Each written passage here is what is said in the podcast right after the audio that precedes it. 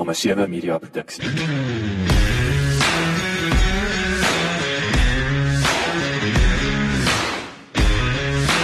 Welkom by die Klipkouer Spotgooi reeks waar ek gereeld gesels met entrepreneurs en impakmakers ten einde die beste praktiese advies met jou te deel.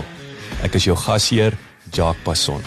En onthou om ons nuwe besigheid van landbou potgooi reeks genaamd Boerpot te luister. Laat die wiele rol.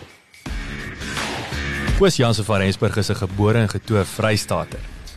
Maar het nadat hy sy BCom graad aan die Universiteit van Oranje Vrystaat verwerf het, en 15 jaar as ouditeur in Bethlehem gewerk het. Etlike jare in die Wes-Kaap deurgebring, uiteindelik as bedryfsdirekteur van Kaap Agri. Hy het 15 jaar gelede egter teruggekeer Vrystaat toe, toe as besturende direkteur van VKB in Ryds aangestel is. Koos praat pad langs oor die 150-jarige geskiedenis van die koöperatiewe landboubesighede soos VKB in Suid-Afrika. En hy wil graag sien dat VKB as maatskappy homself as die onbetwisbare leier in plaaslike landboubesigheid vestig. Lekker leer en lekker luister. Maar vertel 'n bietjie die manne en die dames, wat wat is jou storie? Waar het jy groot geword? Weet wat is die pad wat jy gestap het waar jy nou hierso sit vandag? Ja, ek ek is 'n gebore en getoe Vrystater, in Bloemfontein groot geword. Uh daar skool gegaan uh by in die hoërskool sentraal en toe my diensplig gaan doen aanvanklik ook in Bloemfontein. Uh na my diensplig het ek uh universiteit toe gegaan. My oorspronklike doelwit was om medies te gaan swat. Maar in my dienspligjare het ek uh, op 'n stadium 'n bietjie uh, ongemaklike ervaring gehad wat my net geleer het dat bloed bloed is nie vir my nie. Uh, so ek moet iets anders gaan probeer. Ehm uh, en en toe het daar baie idees in my kop rondgeloop waarvan landbou een was, maar ek het geweet ek het nie die geleentheid om om te gaan boer nie. So op die oomblik het ek gaan wil amper sê bekom swat eintlik omdat ek nie mooi seker was wat ek wou swat nie. Ehm um, Ek het dieselfde geswat, so maak dit duidelik dis nie omdat die maklikste was nie. ja, en en op die eind gekwalifiseer as as ouditeur en in Bloemfontein geartikel en uh by wat vandag PwC is en en hulle het vir my gesê die eerste geleentheid vir vennootskap is in Bethlehem. En Bethlehem in Oos-Vrystaat, dit was vir my 'n aantreklike wêreld. Ek het Bloemfontein is warm en het min reën op my sin gekry. Ek hou van van reën ek hou van groen wêreld en toe Bethlehem toe geskuif eintlik om 'n vernoot te vervang wat so oor 2 3 jaar sou aftree en op baie stadium toe ek land daar toe is daar een van die jonger vernote wat toe 'n nou ander geleentheid gekry het en hy's toe weg en ek het toe in sy plek uh, vernoot geword. Dalk 'n bietjie te vroeg. Ek wou nog eers die wêreld gaan verken en toe ek nou vernoot word, toe uh, was die buitelandse sekonderings net nie meer aan nie. Hulle het net gesê nee, hulle is nie bereid om jy op daai vlak uh daai uh skuif te laat maak nie. Ons jy is nou amper jy's te vroeg senior gewees en en dan kon jy nou want ek weet die PwC ons skuif ons 6 maande op beslag. Kan jy lekker die wêreld sien, né? Nee, dis reg. En is presies wat gebeur het. Hulle het gesê jy's nou 'n vernoot in Suid-Afrika, so jy sal nie bereid wees uh, hulle hulle in, in Europa daai tyd het Leonie is gevat as 'n as 'n oudit bestuurder nie. Hulle het jou gevat as 'n oudit senior en gesê maar hulle jy sal nie bereid wees om daai stap terug te gee nie. Wat ek wel bereid was, maar maak nou nie saak nie. Dis ja. water onder die brug. Uh toe hier rondom 40 het my vrou gespot en gesê jy weet sy weet 'n man verander of sy werk of sy vrou hier rondom 40 sy verkies dat dit maar my werk is want ek het net op 'n punt gekom waar ek gesê het ek weet nie of ek vir die volgende 20 30 jaar nog steeds sou ouditeur wil wees nie. Dit dit net nie vir my aantreklik Hoe lank was jy toe nou aan die gang? Is dit al goeie wat 15 jaar ja, 15 jaar omtrent ja. Ehm um, Maar VKB was op baie stadium een van ons kliënte gewees. Ons het die audit van VKB gedoen.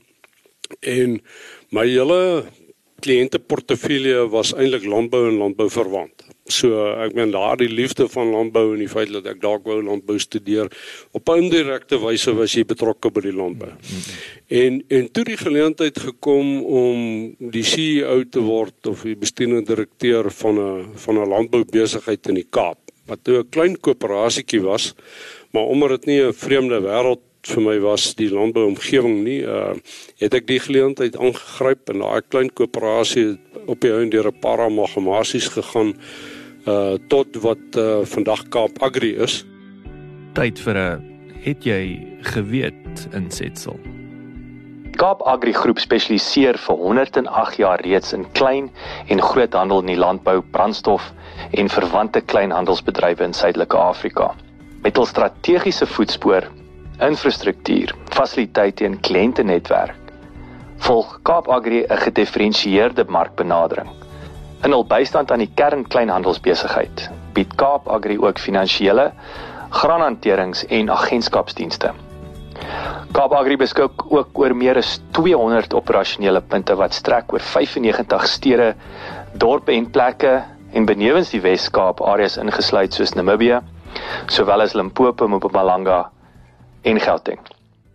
En uh die laaste amalgamasie was tussen Boland Agri en WPK om Kaap Agri te vorm en in Ek was die bestuurende direkteur van Boland Agri en my goeie vriend uh Corwyn Botha was die bestuurende direkteur van van uh, WPK gewees. Uh, Corwyn was heel wat ouer as ek gewees en en ons het toe ooreengekom hy sal die bestuurende direkteur van Kaap Agri wees en ek die bedryfsdirekteur wat eintlik vir my die goed gegee het wat vir my lekker is, die, hmm. die operasies van die besigheid. Maar net daarna het uh Ja, nie lank aan na nie het die oproep gekom om te sê ek VKB soek 'n nuwe bestuurende direkteur. Uh Ekskuus ek van jou rede koes, was jy toe daar in die Parel gewees? Waar was waar was Ja, kyk nice. ek uh, Billand Agri se hoofkantoor was in in uh ehm um, uh, Porterville en WPK se was in Mamasbury. Wow. En is nou maar eers baie onlangs wat hulle 'n klein hoofkantoortjie in die Parel gestig het. Okay. Die hoofkantoortjie van van Kaap Agri is baie klein, net uh, amper enkele handvol senior mense. Die res word nog steeds eintlik maar hoofsaaklike mamas by die gehanteer. OK. Ja, so baie van die mense sit daar. Maar in alle geval toe kom die geleentheid om terug te kom uh Vrystaat toe Nou vir 'n gebore en getoe Vrystaatder was dit nie 'n moeilike skuif nie. Uh, Kaap het ons goed behandel, maar jy daai daai nat winters geniet. ek kan nie dink jy het na ruk nie. Baie mense besef dit nie dat die Kaap nie so wonderlike weer het nie. Ja, die winters is nat. As 'n prys wat jy betaal. Bene in in die somers is warm en droog. So heeltemal anders as wat ons hier in die Vrystaat gewoond is. Hier is ons gewoond aan die koue en ons is gewoonlik goed toegerus op daarvoor. Jy weet uh terwyl ons somers hier is eintlik baie lekker. Algeval uh, toe teruggekom VKB toe en uh, ek is nou al amper 15 jaar weer terug hier in die Vrystaat. So 'n lang pad gewees om op die eind weer terug te kom. Hoe lank hoe lank was jy in Kaap? Uh so 9 jaar, 9 en 'n half jaar. En ja. en hoe was dit vir jou? Het jy het jy toe nog elke jaar Vrystaat toe gekom? Hoe was die 9 jaar in die Kaap toe jy nou weer terug hier? Was 'n was dit bomskok? Was dit lekker om terug te wees? Was Nee, wat? Nee, ons het in Bethlehem ingetrek in dieselfde buurt waar ons voorheen gebly het. Jy weet, dis dieselfde mense in die kerk. Dit voel of jy op 'n lang vakansie was. Die predikant het verander maar ja, ja maar uh, letterlik dit was vir my familie ook 'n baie maklike skuif terug gewees omdat 'n mens nog 'n klomp vriende gehad het in die omgewing en baie kennisse gehad het in die omgewing. So dit was eintlik 'n maklike skuif gewees. En Bethlehem het natuurlik eh, ek ek oor die jare wat ek hom nou so dopgehou het uit van krag tot krag gegaan. So dit was eh, dis nie ek wou sê is die Bethlehem ek het ons was in die vroeë 90's hier in Ficksburg jy weet ja, nie dieselfde ja, Bethlehem wat ja. ek onthou as 'n student en wat hy nou ja. is nie Bethlehem het 'n baie sterk groei sentrum in die Oos-Vrystaat geword. Ehm uh, ongelukkig dink ek die Vrystaat met homself regryk. Maar uh, ek dink die die plaaslike owerhede uh is nie in 'n goeie toestand nie. Ek meen dis nie ek praat nie politiek nie, dis bloot net feite en die infrastrukture gaan tot nul. So ons ons bly in 'n mooi en 'n goeie wêreld, maar ek ek dink ergens gaan die besighede meer betrokke moet raak om die om die plek te maak wat hy kan wees. Mm, mm, mm. Uh ons moet nie sit en wag dat iemand anders ons help vir ons bewerkstellig nie, ons moet dit self doen. Dit is dit is 'n face is 'n koei en ek, en mense men sien al hoe meer begin jy sien dit gebeur nê. Ek ek dink wat is wat is die voorbeeld hier onlangs is dit nou Maar die manne, ek weet ek het gelees wat hulle die die nou sê rates in Texas, wat sit wat hulle munisipaliteit uit die geld terughou nê nee, en sê luister ons gaan hierdie geld self gaan ons die paai regmaak en die ja. dinge wat wat wat nie gebeur nie. Ja, die die die boere doen dit met met uh jy weet met in sekere areas met hulle grondbelasting wat hulle moet betaal wat hulle sê maar hulle is, hulle gee nie om om die belasting te betaal nie, maar dan wil hulle net weer dit word vir die regte doel wat hulle uh jy weet aangewend. So ek ek weet Mafube dis nou uh Frankfurt se distrik daar het die boere dit gedoen en en met groot sukses. Hulle skraap hulle eie paaie en hulle hulle werk met daai geld. En ek dink dit gaan al meer en meer gebeur. Harry Smith se se sakele is besig met dieselfde ding. Hulle kry al direk hulle elektrisiteit van Eskom af nie meer deur die universiteit. Wow uh deur die munisipaliteit nie. Ons hier in Ryds, uh, ons werk baie nou met die munisipaliteit saam. Maar ek meen as dit nie vir 'n uh, besigheid soos VKB was nie, dan sou die infrastruktuur nie gelyk het soos dit lyk nie. Ek meen ons het nywerhede gebou hier en en dieselfde geld net maar vir Frankfurt en en vir Verlies hier uh, die pipeline hier word nie behoorlik in stand gehou nie. So ons het letterlik 'n 14 km pipeline van die waterwerke afgebou sodat ons ons eie eie nywerhede en dan met ons surplus water 'n groot deel van die dorp kan voorsien. Anders is die dorp per, baie gereeld sonder water. So die goed gaan net al meer en meer gebeur, maar ek meen aan die ander kant daar's tog nog 'n lewe na dit. Uh, as ons as ons dit as 'n realiteit aanvaar en harder saamwerk met die munisipaliteite om om amper uh, deel te wees van 'n proses om te sien dat die geld nie verkoos word nie, maar korrek aangewend word, dink ek ons sal ons sal weer infrastrukture in plek kry. Daar's daar's daar's definitief lig in die tonnel nie. en dit is is baie opwindend en ek bedoel mense kan sien ook ek weet ek het nou verlede jaar toe ek die eerste keer hierso met die Billy Millifees hier inry, ek kon onmiddellik agterkom hoe netjies die dorpie is. Jy jy kan sien wanneer dinge uh, uh, werk en en en versus nie werk uh, en daar's baie nie werk voorbeelde dink ek val in die Vrystaat.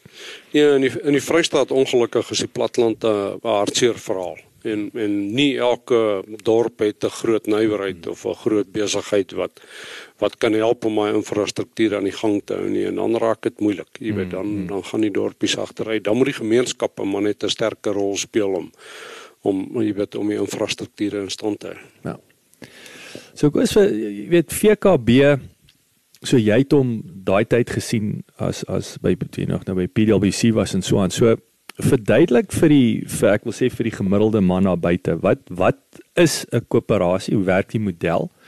Ehm um, waar waar was hy? Wil ek sê as 'n model, waar is hy nou? Weet lyk like, julle anderste is die res van die van die van die landboumaatskappye uh en dien wel hoe, hoe so gee ons net so 'n bietjie 'n oorsig van wat was en wat is en dan delf ons net so 'n bietjie dieper in in in die hele besigheidsmodel. Goed, ek ek dink uh, landbou besighede in die algemeen, kom ons praat nou maar van koöperasies, is is almal omtrent 100 jaar oud. Jy weet, meeste van ons het ons 100-jarige feesvieringe in die afgelope 10 jaar gehou. Ehm um, En dit het eintlik in die Kaap begin. Die eerste koöperasie is in die Kaap gestig en die werk van daai koöperasie was om die guano van die voëleilande uh af te gaan haal en met skepe aan te ry sodat die boere kunsmis het om te plant. En die boere het 'n koöperasie gestig omdat een een kon nie met sy bootjie daar oorroer nie. Hulle het groter skepe nodig gehad om iguana aan te ry. So dit was eintlik die oorsprong van die van die eerste landboukoöperasie. Ek praat nie van wynkoöperasie nie. Ja. Dis 'n dis 'n ander saak.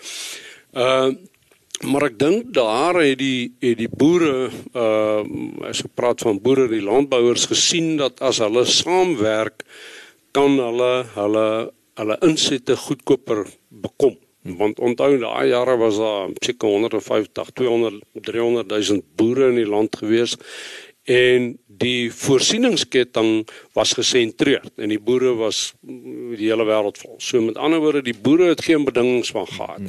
Nie aan die aankoopkant nie en ook nie aan die verkoopkant nie. En toe het hulle eers saamgespan nou op die aankoopkant om te sê okay as ons saam aankoop kan ons die goed weet goedkoper kry en beter kry en ons ons kan toegang kry tot uh tegnologie jy weet die vroeë trekkers en dis meer. Hmm. En toe dieselfde tyd gesien maar ek meen as hulle weer hulle produk aanbied is hulle weer gefragmenteer en die koper is gesentreer. Hmm. So as hulle saam koöperasies vorm, dan gaan hulle dit beter kan doen as wat elkeen op sy eie dit doen. Nou, ek meen dis 'n baie maklike beginsel, maar uh uit hierdie beginsel uit is op 'n baie beskeie skaal het hierdie besighede uh, beslag gekry en die en die en die koöperasies het gegroei uh tot dinamiese besighede. Baie van ons koöperasies, as ek dit vandag nog koöperasies kan noem, is is groter as meeste genoteerde maatskappye op die Johannesburgse effektebeurs. Uh in terme van grootte. Mm -hmm. Maar omdat hulle 'n spesifieke doel gehad het en dit is met ander woorde om die die klimaat te skep waar binne die landbouprodusent sy werk kan doen. Mm -hmm. En sy werk is om te produseer. Uh, uh is dit ook 'n 'n 'n bietjie van 'n beperkende faktor want jy wil nie geld uit jou uit jou eienaars uitmaak nie want die hmm. die boere is nou baie dun lyn klante en die boere selfe tyd ook die kliënte. Mm, mm, Dan gaan hulle is die eienaars en die kliënte van dieselfde besigheid. So jy het maar die hele tyd daai uh, onderlinge konflik. Toe ongelukkig het die regering heeltemal 'n ander visie vir koöperasies gehad as as wat die boere dit het. Hulle het hulle het gesien dis 'n ondernemingsvorm van uh, uh vir vir klein besighede, weet eintlik vir die opkomende mark. En hulle het die wet verander om te sê omdat dit 'n koöperasie is, moet daar 60% van jou lede teenwoordig wees as jy 'n algemene jaarvergadering het. Nou 'n besigheid soos VKB het 6000 aandeelhouers. Daar's geen manier hoe jy 60% 60% by 'n algemene jaarvergadering gaan kry nie. So die wet het dit prakties onmoontlik gemaak om om uh, aan te bly as as 'n koöperasie. En toe het baie landboubesighede omskep in uh maatskappye. Jy weet, so daar's hmm. eintlik baie min koöperasies nog. Hoor. Ja. So wanneer dit so wanneer net om terug te gaan na die die Kaap voorbeeld, wanneer daai boere die guano so begin aankoop. Oh, dis seker 150 jaar terug. O, so dis ja, dis baie lank terug en, en, en, ja. en en wanneer het hierdie wetgewing toe nou verander? Hierdie wetgewing het so 'n bietjie meer as 10 jaar terug het okay. verander. Kom ons so sê nou 15 nuwe onder die nuwe verdeling toe. Ja. Daar was 'n klomp wat uit politieke vrese uit omskep het. Jy weet, omdat die regering baie snaakse syne oor koöperasies en landbou begine maak het en die en die silo's wat eintlik ons heiligdom hier, hier in die noorde is, het 'n party gevoel hulle voel veiliger onder die maatskappystrukture as as in die koöperasiestruktuur. Uh, dit was maar politieke vrese, maar die werklike rede is vandag hoekom ons nie meer koöperasies is nie, is net onprakties. Jy kan nie meer kon nie 60% van die manne saamtrek ja. in 'n kamer. Nou toe het daar uh verskillende skole tussen landbou besighede ontwikkel. Die wat nou suiwere korporatiewe rigting ingeslaan het wat maksimum wins nastreef en die die aandeel se waarde moet in waarde toeneem en die ander groepering uh het weer gevoel hulle hou van die koöperatiewe bedeling hulle kan nou nie in die koöperatiewe uh uh maatskap ag uh, regsvorm voortbestaan nie mm -hmm.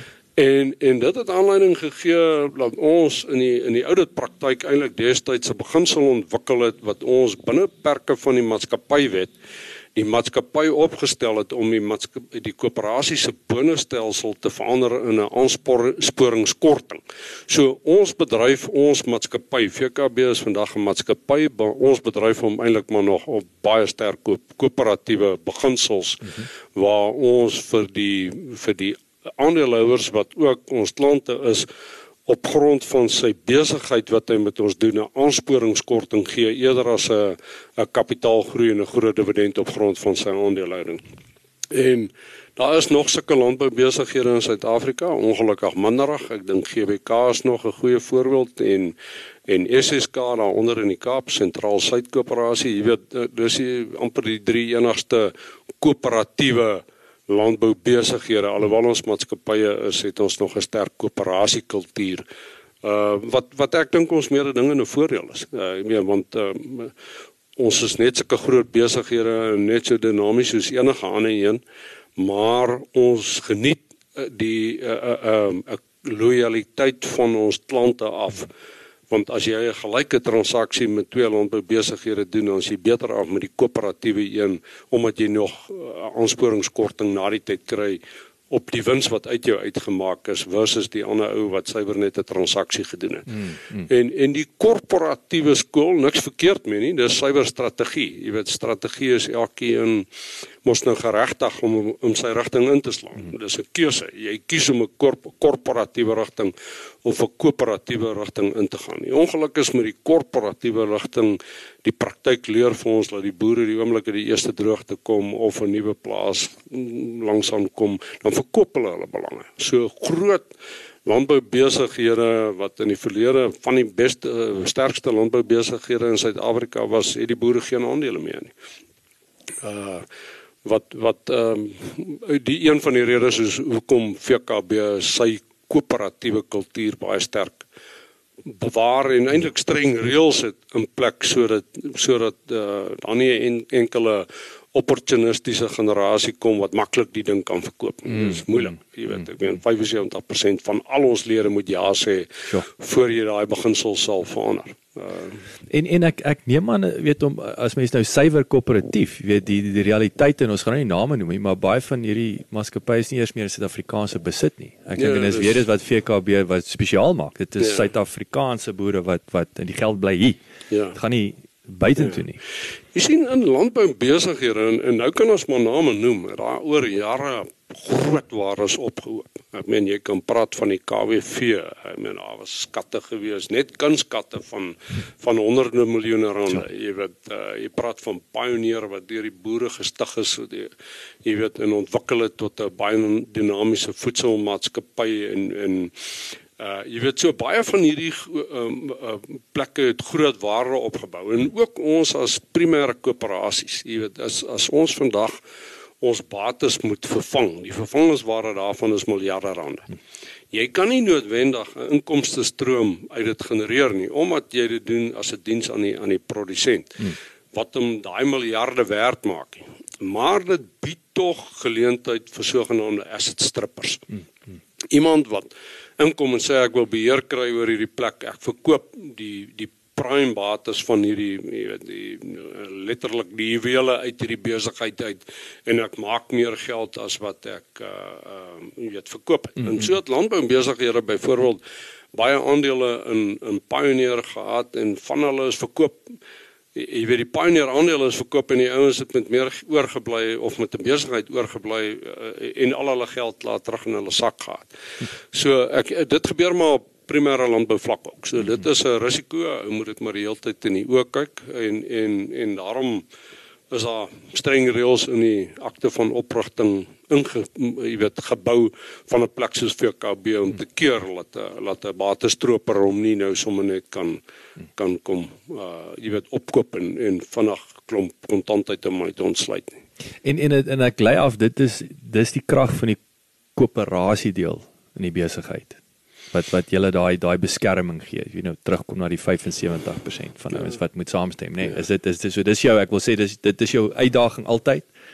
Uh hoe meer jy weet ek ek laat my dink altyd by Coke het gesê Coke is a is a simple business made complicated by people, nê. Nee. So uh, hoe meer ja. hoe meer hoe meer mense maar dieselfde asem is dit is is dit tog beskerm met julle dat ja. dat een ou kan nie doen wat hy wat hy wat hy wat hy lekker kry nie. En dis korrek. Dit beskerm ou. Hmm. En en ek dink dis ons meerde ding in 'n voordeel. Ek meen dit het VKB gevat van ons was maar een van uh, 'n hele klomp besighede wat geroem het ons is erns tussen die 5de en die 10de grootste landboubesighede in die land.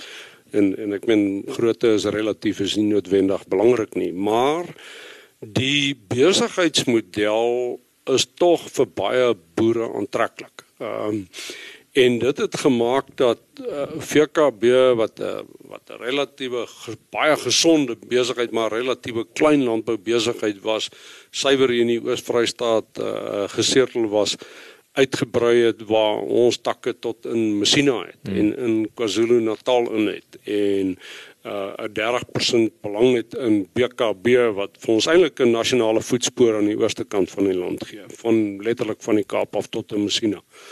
Ehm um, wat ook VKB vandag ehm um, wel kom ons sê nou een van die waarskynlik weet een van die drie grootste of ja, as omtrent drie groot landbou uh, besighede oor waarvan VKB een is, jy weet. Mm -hmm.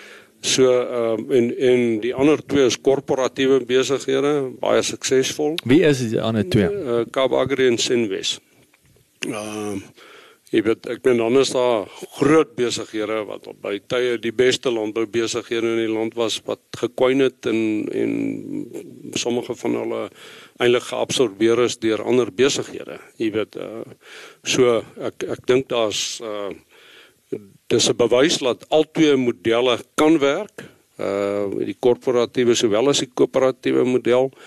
Maar hier by VKB is die koöperatiewe model nog 'n baie sterk model en En ek hoop eintlik die volgende generasie voel ook nog so, want ek meen daar is mos nou nuwe jong generasies wat inkom wat dalk anders dink oor besigheid as as die afgelope 100 jaar, maar as jou resep vir 100 jaar suksesvol was en nog steeds suksesvol is, dan hoekom nie voortgaan daarmee? Daar's altyd ruimte om uit te brei en in VKB het ons dan nou eintlik die tradisionele landboubesigheid wat 100 jaar oud is uh, hy is 'n koöperatiewe model en dan het ons 'n nywerheidsbeen wat ons gesê het uh, ons gestig het om om jy weet die ware toe te voeg tot die boere se produkte wat in ons gebied hoofsaaklik geelmielies en soja is.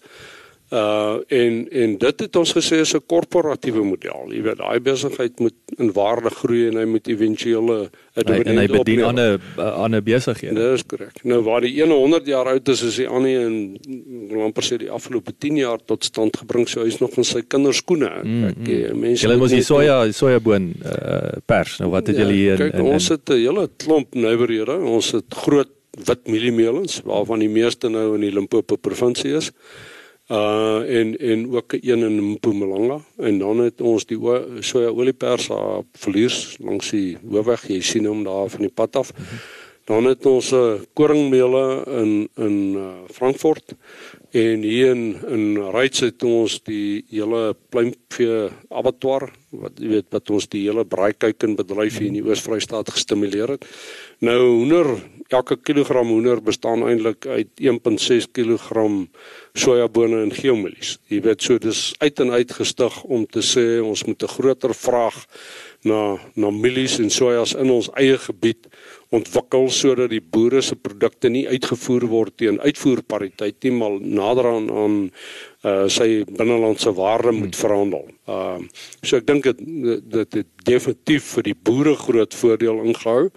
Uh ons moet nou nog net van die nywerhede self die sukses maak wat dit kan wees. Jy weet, en dis harde pad. Ek meen al hierdie goed is uit die grond uitgebou. Dit was nie bestaande besighede wat 100 jaar ontwikkel is nie. So ons moes letterlik elke les wat ons geleer het op die kopstamp manier uh leer. Maar die, die uh, VKB Agri Processors is op pad en en ek dink oor 5 jaar vorentoe sal hy al heeltemal anders lyk as wat hy vandag lyk. So so die hele as ek dit kan opsom in in, in een sin, uh, jy weet dit wat jy die manier hoe jy hierso te werk gaan is ook hoe hoe maak jy daai mielieboere prysmaker uh, uh versus 'n prysnemer nê. Nee. Ek bedoel dit is soos jy nou sê jy uitvoer jy wat jy doen wat wat die res van die wêreld sê nê. Nee. So ja. jy jy stel hulle in staat om om om om meer prysmaker te te word as as nie.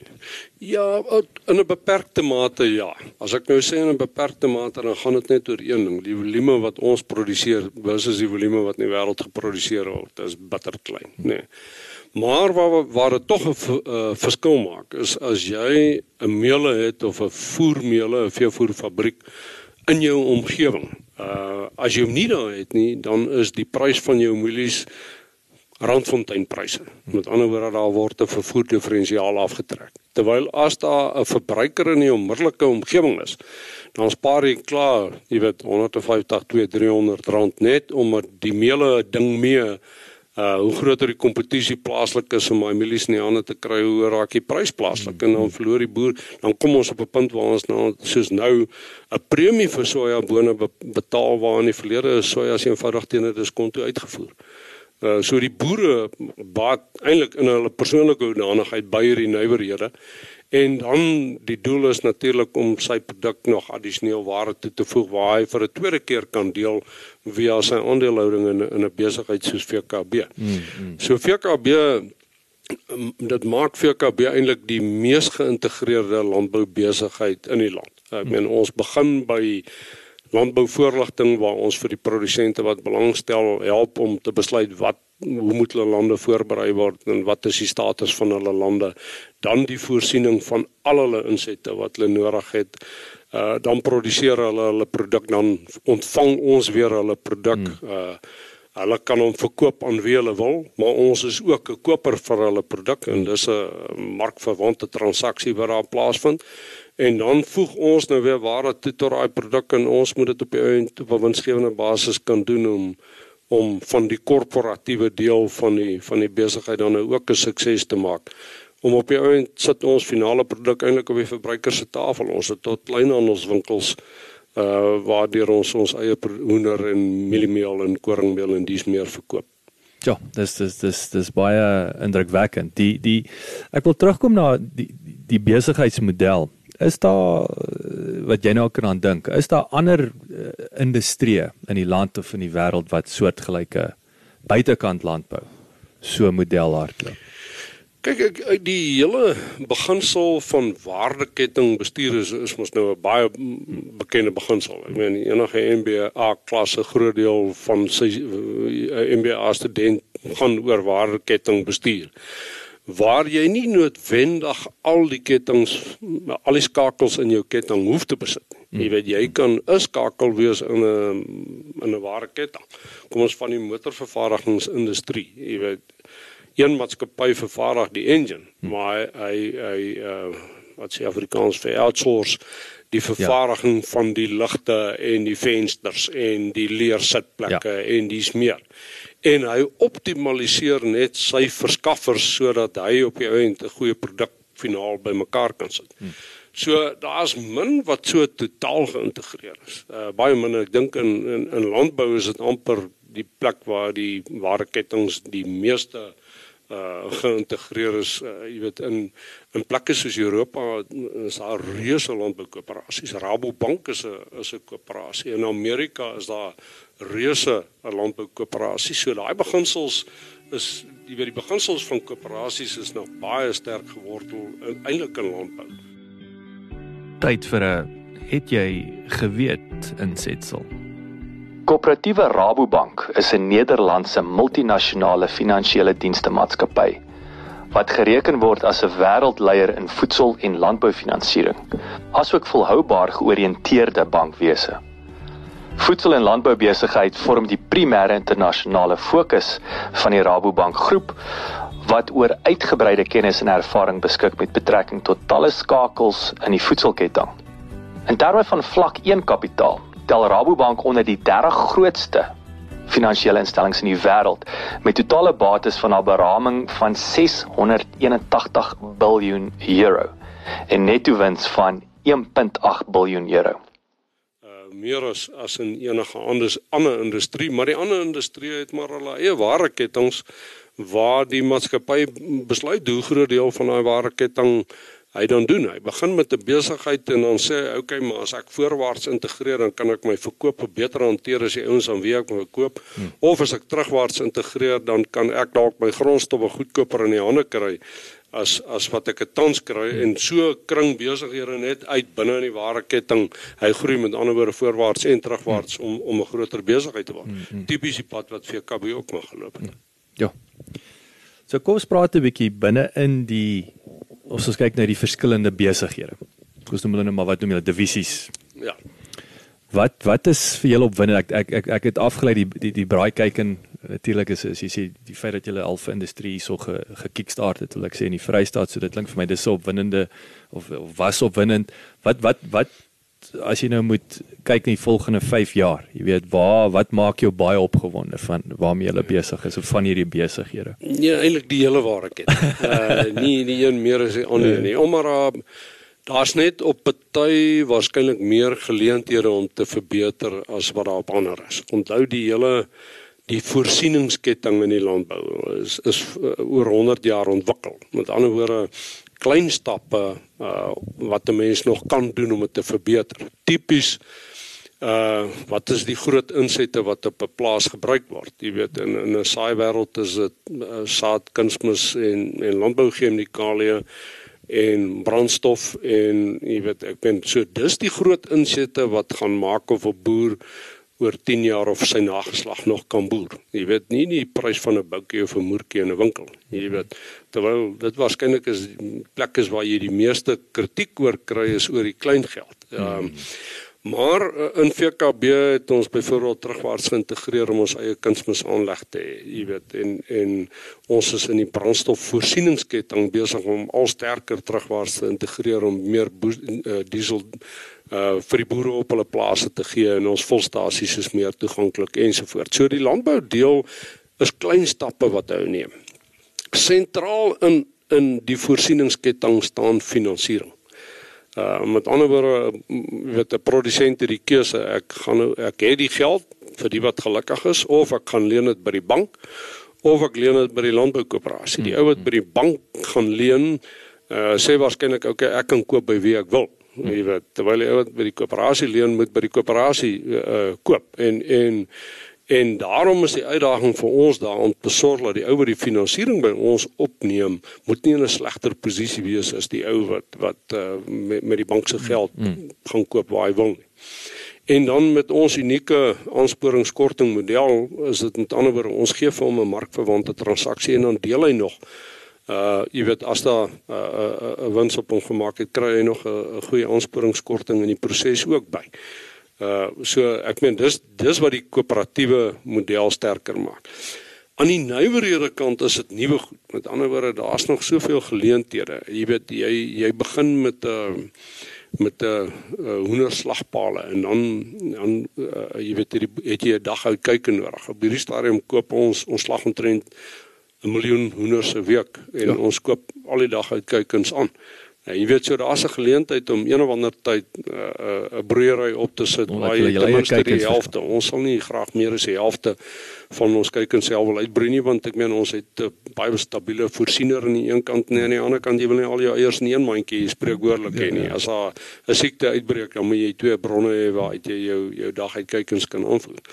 Ehm um, maar die die hoenderbedryf het geleentheid gegee om veevoer fabrieke op te rig. Jy weet en nou het jy hoendervleis nou ons verkoop die goed as as vars hoendervleis aan Pick n Pay en Shoprite Checkers en die hele ware ketting wat daar is of as bevrore deur dieselfde markte. Maar nou kan jy ook met ware toevoeging op die hoendervleis begin. Jy weet jy maak Vienna's af voor en jy maak schnitzels af van ensovoorts. So dis nog weer 'n geleentheid wat voor lê. En so kan nou na elke nywerheid kyk. Ons het 'n koringmeule gehad en ons het met bakkerye begin en en daar speel jy nou teen goed gevestigde ouens wat vir 100 jaar brood bak soos moeilik om maar in te kom hmm. maar ek meen op op ons manier kry ons dit tog reg om ons paadjie in die woud oop te kap hmm. en en uh as jy 'n uh, so 'n oliepers het het jy olie as jy olie het kan jy diesel maak en jy kan nuwe produkte was so jy kan kersse maak of jy kan rome maak of jy kan mayonnaise maak of jy kan margarine maak jy weet so dit skep net geleenthede weer om elkeen van hierdie ware kettinge verder te ontwikkel jy weet en so ek dink VKB se landbou besigheid baie stabiel kom vir 100 jaar amper die term gebruik dis fine tuning wat hy daar kan doen ja. terwyl die nywerhede uh, julle tog net weg, nog net nog net begin ja ons het nog net begin Ja, yes, dit is opwindend. Wat wat wat van die nywerhede wat wat ek weet die sojaboon wil ek ek wil terugkom na dit toe die sojaboon pers want jy het genoem ook dat jy weet die die die boere kry nou 'n premie so 'n bietjie meer verstaan wat daar aangaan. Ehm um, wat wat se twee sou jy ma, maak jou baie opgewonde? Is daar wat nou uit uitspring? Ek wil die weer eens die braai kykens is is al hierdie is is, is lekker hmm. voorbeelde en is ja. opwindend. Ehm um, wat wat in terme van ek wil sê die bottom line, wat maak jou baie opgewonde en natuurlik ja. die langtermyn kyk vooruitsig. Die landbou nywerhede uh se resultate is relatief wisselvallig.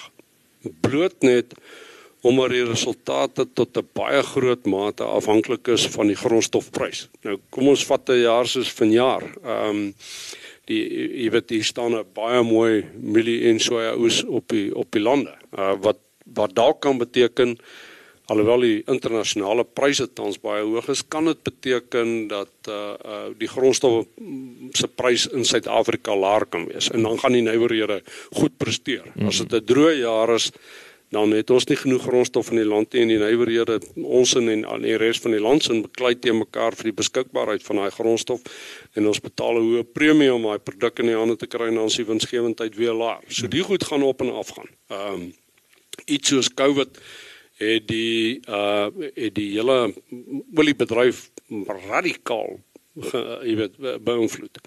Die vliegtye het opgehou vlieg so as nie 'n koper van brandstof nie so as nie 'n koper van ruolie nie tot so 'n mate hulle skus dat ruolie se prys op 'n stadium negatief was jy weet jy, jy, jy as jy stoorplek gehad het het hulle vir jou olie persent gegee of betaal om dit weg te vat ja. want die aanlegte kan nie ophou produseer nie en hulle weet nie waar om dit heen te gaan nie en in die proses trek ruolie se prys toe nou ook die plantaardige olie af Jy weet uh nou die van ek meen 'n klomp plantaardige olie en ook etanol uit mielies uitgaan in die brandstofbedrywe in. En jy weet so COVID het 'n radikale invloed op die hele brandstofbedryf gehad. Jy weet en en so die nywerhede is uh, is intens. Jy mm, weet en hy is wisselvallig en jy jy moet bereid wees om op jou voete te dink. Uh maar hoe meer gevestigde rolspeler jy word, met hoe beter handelsmerke jy het, hoe beter sal uiteindelik uit dit uiteindelik met jou gaan. So as jy voedsel verkoop, kom ons gebruik 'n uh, eenvoudige voorbeeld soos grondboontjie botter. Mm. Jy weet, wat is die eerste ding wat in jou kop opkom? Mm. Black cat. Mm. Jy weet en en daar's ander grondboontjie botters wat net so goed is, maar die ja, huisvrou loop ons so black cat. Ja, jy weet, ja. jy kan soek black cat by die huis, jy weet. Uh so jy moet nie die tweede beste handelsmerk en jy moet die beste handelsmerk en dit vat 'n groot investering in jare se bemarking en dit weet uh dieselfde geld vir uh uh bladjang hmm. jy weet ek meen wat kom in jou kop op Mrs Bols ja, ja. jy weet ek meen hoe hard die ander produkte ook al probeer en hoe goeie produkte hulle ook al het die huisvrou koop Mrs Bols yes, jy weet ja. en jy moet die persepsies verander So ek ek dink die nywerhede is heeltemal 'n nuwe 'n nuwe area vir ons as as 'n landboubesigheid. Ons het nog baie om te leer. Uh maar dit is opwindend. Uh jy weet wanneer 'n ander een stabiel is, wat lekker is. Uh jy weet as jy vanjaar uh, of dit nou goed gegaan het vanjaar met die boere of swak gegaan het, volgende jaar moet hy weer kunsmis en saad koop. Nee, jy moet net sorg dat jou transaksie reg is. Mm, mm terwyl uh, uh, op die nywerhede is elke dag 'n nuwe dag. Jy weet jy staan amper werkloos op jy moet jou werk gaan genereer, jy weet. Dit laat my laat my dink aan 'n ou ehm um, wat ek altyd jy praat oor van olie. Ek dink ek aan uh, aan die uh, ehm uh, um, Rockefellers en dan natuurlik ook met die gold rush in Amerika. Ons sê ja. selling spades to gold diggers, nê. Nee. Ja. So maak nie saak of jy ou goud gekry het of nie, hy het uh, hy het uh, hy het 'n graaf nodig gehad en ek hulle het altyd hulle jean broeke aan verkoop en ek dink Rockefeller wat ou is altyd sy geld met olie gemaak, maar dis hy uit uit die raffinaderye ge ja ge, ge, gemonopolise, nê. Nee. Ja. So dit is of jy nou olie uithaal of nie. Ja. Hy sê hy sê stap 2 ja. nê. Nee. So dit klink ja. vir my julle ouens is I mean David is dit baie dieselfde.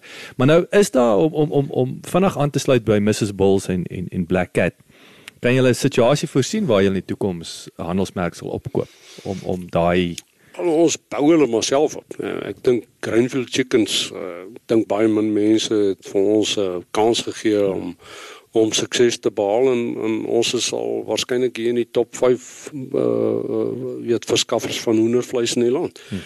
Die grootes is baie groter as ons. Ja. Nou, nie is 'n kwessie daaroor nie, maar dis 'n kwaliteit produk en oor oor tyd raak die huisvrou gewoond as as ek daai pakkie van Greenfield chickens koop, gaan daai hoender net so goed of beter wees as die volgende hoender wat ek kan koop en dan steek hy beginsel in hulle koppe vas en en Greenfield chickens is seker nou al jy weet dit sal 'n paar jaar kom sê amper 10 jaar aan die gang en en daai handelsmerke stel stelselmatig besig om te bou. Magnificent Millimeal is 'n baie ouer handelsmerk. Jy weet, uh, ons is nog nie regtig sterk in die kleinhandel nie. Maar as 'n streekshandelsmerk in Limpopo is dit die dominerende handelsmerk. En die mense in Limpopo, baie van hulle word as kinders groot aan hulle gaan werk in Gauteng. So ek meen nou is die volgende stap betree die kleinhandel dat jy jou produk wat bekend is hmm. uh in die mark nou net op 'n wyeer basis bekendstel en dan groei jy maar daarvan af. Jy weet, dieselfde met Supersure uh brood, jy weet, en super so uh, koringmeel, jy weet, of koekmeel en broodmeel. Mm, mm, mm. Uh dis maar goed wat met baie tyd en aandag kom en en weet geld wat jy agter die handelsmerk insit om op die ou end die 'n sekere gedeelte van die verbruiker se kop net te vestig en te sê hoor as ek instap dan soek ek Greenfield chickens ek soek nie hoender. Mm, mm. Uh so dis maar goed wat oor tyd kom mee. En en in terme van uh, jy weet ons het vroeër gepraat ook met ook die ander realiteit van van Suid-Afrika brein drein en so aan. Ehm um, is daar is dit en ek dink ook hier op die platteland. Hoe's hoe's uh, ek, ek spring nou drasties hier na die ek wil sê so side note in terme van julle van julle uh ehm um, recruitment. Nee, ek weet nie wat ek ja, in Afrikaans vergeet. Personeel en diensneming. Ja, is dit is dit uitdaging. In sekere opsigte ja. Ehm uh, kyk daar is 'n klomp mense en ek ek beskou myself as seker die een van die grootste voorbeelde daarvan dat baie dankbaar is dat ek 'n 'n goeie werk het in in 'n landelike gebied. Jy weet ek is nie 'n stedeling nie. Uh ek wil nie elke dag in daai verkeer vasgedruk sit nie. Uh, jy weet so dis die leefwyse hier pas my. En jy weet jy het meer tyd tot jou beskikking om te werk. Baie mense dink is 'n relaxed lewe in die platland, maar ek mors nie ure op die pad om by my jy weet gestres by my werk te kom nie. Uh dis 'n lekker mm, uh, rit en ek luister RSG en ek weet wat in die land aangaan teen die tyd ek by die kantoor kom. Ehm um, nou uh jy weet so 'n uh, 'n klomp mense en en dit geld vir jong mense ook. Verkies dit om hulle kinders op die platland groot te maak. Ons het uitstekende skole ja, jy weet in in baie sentrums in die platteland so daar's uh, daar's geen rede hoekom jou kind nie dieselfde of net so goeie opvoeding sal kry hier as as ons stede nie en en party hou meer van die landelike omgewing. Maar daar is tog sekere areas. Ek meen as jy iets vat soos inligtingstegnologie. As jy in Gauteng is, het jy 'n pool van kundiges en ek meen hulle Hulle verander sommer oor nag van werk. Jy weet skuif van die een na daai een toe en weer oor môre oor is hy weer terug by hom. Terwyl as as hy by VKB kom werk, dan moet hy ryds toe trek en dis nie noodwendig vir daai ons almal aantreklik. So dis dis amper meer op sulke gespesialiseerde gebiede. Hmm. Maar uh ek dink as ons na die deursnee uh, personeel het van VKB kyk is ons bitter gelukkig. Ek dink nie ons werkerskorp staan in enige vlak terug vir enige plek in die land of of selfs in die wêreld nie. Jy weet ons het kundige mense, ons het genoeg daarvan. Dis net sekere skaars uh kennis uh, en ervaring wat wat dalk 'n bietjie meer problematies raak. En dan moet jy maar, die chequeboek uithaal seker. Jy moet of die chequeboek uitmaak, al of jy moet 'n omgewing skep waar jy sê, okay, as as uh, ek meen al ons rekenaar toerusting is uh, ons is net met met uh, veselglaslyne verbind met met ons toerusting. Die toerusting is nie meer hier in Ryds nie. Hmm. Toerusting staan nou naby die lughawe en daar in Midrand. Hmm. Jy weet so jy kan op die ount jou IT afdeling net dan ja, neersit as dit ja. nodig is of 'n komponent daarvan. Hmm. Jy weet die hmm. mense is met met met ons het soveel nuwe goed geleer met COVID. Ek dink dit het baie goeie uitvloeisels ook ten spyte van die hartseer wat dit gebring het. Ek meen ons kommunikeer op ander maniere met mekaar. Ons ry nie meer 'n uh, 3 ure om 'n uh, uur se vergadering te hou nie. Ons skakel eenvoudig 5 minute voor die tyd in en ons het 'n Teams vergadering met mekaar of 'n of 'n WhatsApp call of 'n wat ook al en jy sien nie 'n ander persoon Mm. Uh, dis nie altyd so lekker soos om uh, een op een gesprek te hê nie, maar maar jy kan 90% van die werk so doen. Verseker so nê en dit is 'n uh, ek wil nou spot en jy hoef nie eers uh, jou pyjama broek uit te trek. jy moet netjies hê. Jy weet jy weet van van van die jippe af bo toe, dan moet jy netjies lyk. Like. Ek wil net daai en dis nou my laaste vraag Koos ek, ek gaan jou hele dag besig hou andersins. Dis vir my dis vir my verskriklik interessant. So ons nou gepraat van die talent um en die mense en natuurlik, jy weet die kultuur wat jy wat ek jy voor voor ons begin uh ek rekord gedruk het hoe belangrik kultuur in 'n organisasie is en is top down. Ek sê dit altyd. Dit begin die kultuur van 'n organisasie begin bo. Julle besluitnemingsproses. Jy weet nou nou het jy al hierdie aandeelhouers. Um jy jy jy jy het jou jy um, jou span, jy weet hoe moeilik of hoe maklik is dit om om om strategies te beplan. Ehm um, is daar weer eens is daar klomp rolspelers in in daai besluitnemingsproses of is dit en dan ook saam met dit wil ek sê hoe vinnig ek wil nou terugkom na die olie olie toe die oil tanker, sê ons 'n oil oil tanker kan nie 90 grade gedraai word. Jy weet so hoe agile is hy? Hoe vinnig kan jy hulle beweeg? Mm. En dan ja, daai besluitnemingsproses, hoe lyk dit in in VKB? Kyk 'n uh, 'n entrepreneur se besluitnemingsproses gaan altyd baie vinniger wees as enige groterige besigheid, medium tot groot besigheid, want ek meen jy moet deur formele besluitnemingsstrukture gaan. Maar dit verbeter waarskynlik die kwaliteit van die besluite wat geneem is. Jy weet 'n entrepreneur staan vanoggend op en dink oor ek wil hierdie gebou daar bou en hy kry weet iemand om die plan te teken en hy kry 'n kostebreeknaar. Party doen dit nie eers nie, hy begin sommer net bou.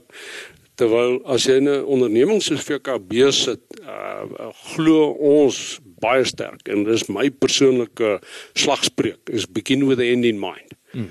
So jy moet weet waarheen gaan jy? voordat jy begin. Ja, ben jy Paulo sommer maar net hier in die begin loop in 'n rigting en jy hoop jy kom eers uit. Ja. Jy moet baie duidelik weet wat is die beeld van van wat jy beskou as sukses. En dan uh, gaan ons een keer in 5 jaar, partykeer bietjie vinniger as as as ons ons doelwitte vroeër bereik, gaan ons deur 'n baie omvattende strategiese beplanningsproses. Ehm uh, ons ons aandeelhouers kies 'n direksie en meeste jy weet ek meen uit die aard van die feit dat ons aandeelhouers boere is is ons direksie eintlik ook boere. Ehm um, hulle primêre verantwoordelikheid is hulle plaas. Hulle moet 'n verantwoordelike bestuurspan kies wie se primêre verantwoordelikheid VKB is. Dis hulle hooftaak.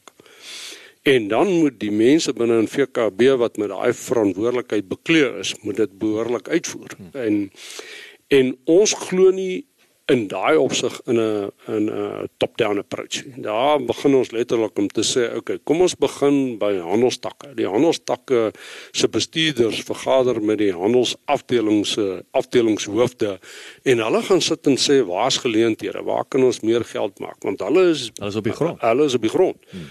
Iets wat ek meen elke takbestuur het elke dag met 100 boere te doen. Hmm, Jy weet, ek hmm, sien miskien 100 boere in 'n jaar. Hmm. Uh, so hulle weet baie meer wat wat is die behoefte op grondvlak. En dan kom hulle via hulle uh, uh jy weet uh, uh, uh, takbestuurders kom daai gedagtes op na ons op 'n senior vlak toe wat dan gaan sit en sê okay, hier's al die gedagtes wat ons het. Uh in strategie is daar nooit 'n verkeerde gedagte nie, maar ons moet nou sif. Hmm. Tussen al hierdie gedagtes en ons moet dit wat vir ons die aantreklikste lyk uit 'n ondernemingsoogpunt uit moet ons dan nou nou verder neem. En dan uh uh kry ons nou uit die verskillende departemente uit al hierdie gedagtes wat opkom, dieselfde gebeur op die silo bestuurders vlak tot by die graanhoof, jy weet, en dieselfde gebeur by die kredietbestuurders wat tot by die finansiële hoof en die die finansieringshoof. En dan kom al daai inligting na ons toe as as die uitvoerende direksie wat dan 'n omvattende strategie daaruit saamstel en ons hou dit dan nou aan VKB se aandeelhouers se direkteure voor wat dan nou die finale seggenskap het hmm.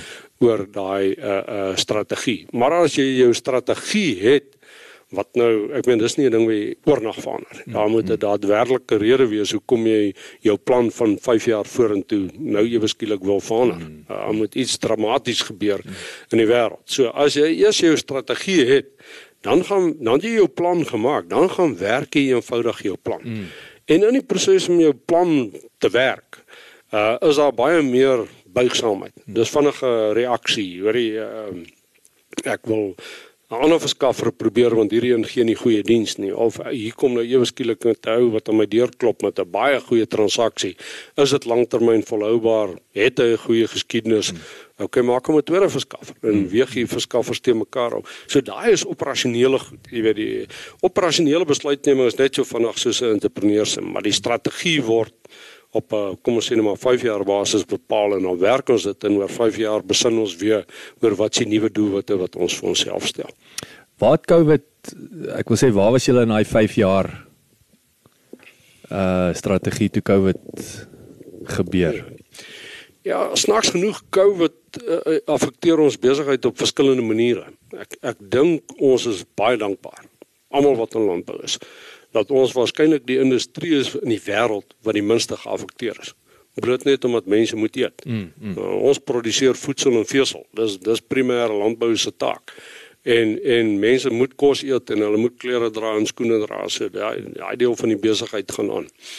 Uh waar ons uit ons op plekke getref wat 'n ou nie sou voorsien het nie. Ek het vir jou die voorbeeld genoem van vliegtye wat ophou hmm. vlieg en ewe skielik beïnvloed die oliepryse en hy trek die plantoliepryse saam met hom af en ewe skielik is sojaboon die hele sojaboonbedryf in die moeilikheid, mm, nê. Nee. Mm, mm, Ehm um, ons eie volstasies maartmaand verlede jaar het al die karre opgehou ry. So ewe skielik was daai ehm um, besighede uh, dramaties geaffekteer al die volstasies se resultate. Maar omdat ons 'n noodsaaklike diensverskaffer was. Jy weet jy kan nie planttyd uitstel. Ja, hmm. moet nou geplant word hmm. en dan moet nou gestroop word. Jy weet. So daai die hooffunksie binne in VKB het aangegaan.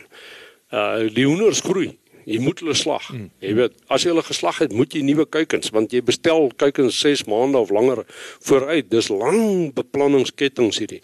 So ons besigheid het baie mooi eintlik aangegaan. Omdat jou besigheid oop was, tydens Covid dink ek het daar 'n klomp nuwe kopers wat ons is maar 'n volledige hardeware winkel ons winkels.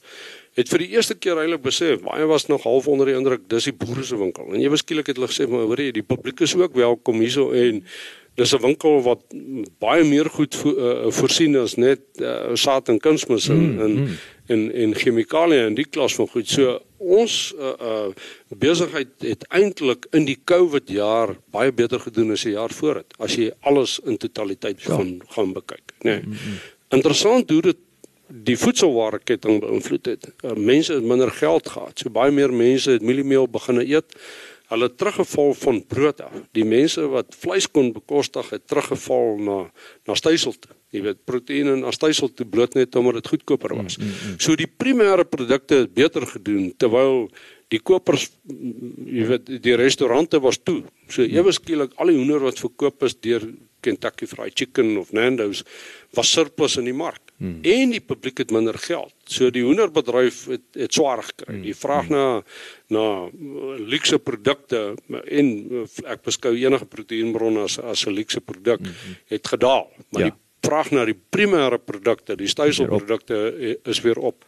Maar as jy na die gehele mandjie kyk dan het ons nywerhede gehad wat groot verliese gehad het en ons ander gehad wat gelukkig groter winste gehad het. Mm, jy weet mm. so die nywerhede het min of meer gelyk gebreek en die landboubesigheid het geboom. Ja, dit is nou weer soos jy sê die met die mandjie, die mandjie is goed gebalanseerd. Ja, ja, so. Ja. Koos, ek gesels so lekker met jou. Verskriklik dankie vir jou tyd. Ek sê altyd vir ons ons ons is al 55 minute gesels ons. Jy het gelukkig baie om te kat. Ek nee wat, nee wat, daar's dit is dit is verskriklik interessant.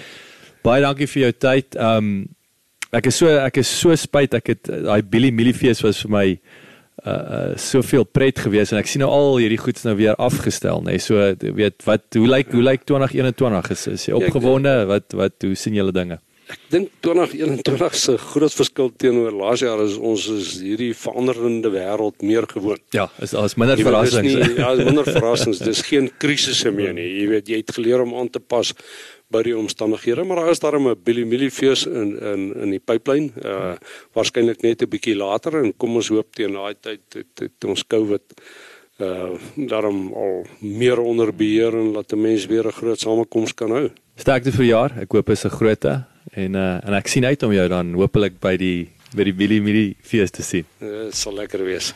Goed. Baie dankie dat jy geluister het. Vir 'n opsomming en notas van die episode, gaan asseblief na ons webwerf www.klipkouers.com en teken sommer in terwyl jy daar is, dan kan ons jou gereeld op hoogte hou. Baie dankie.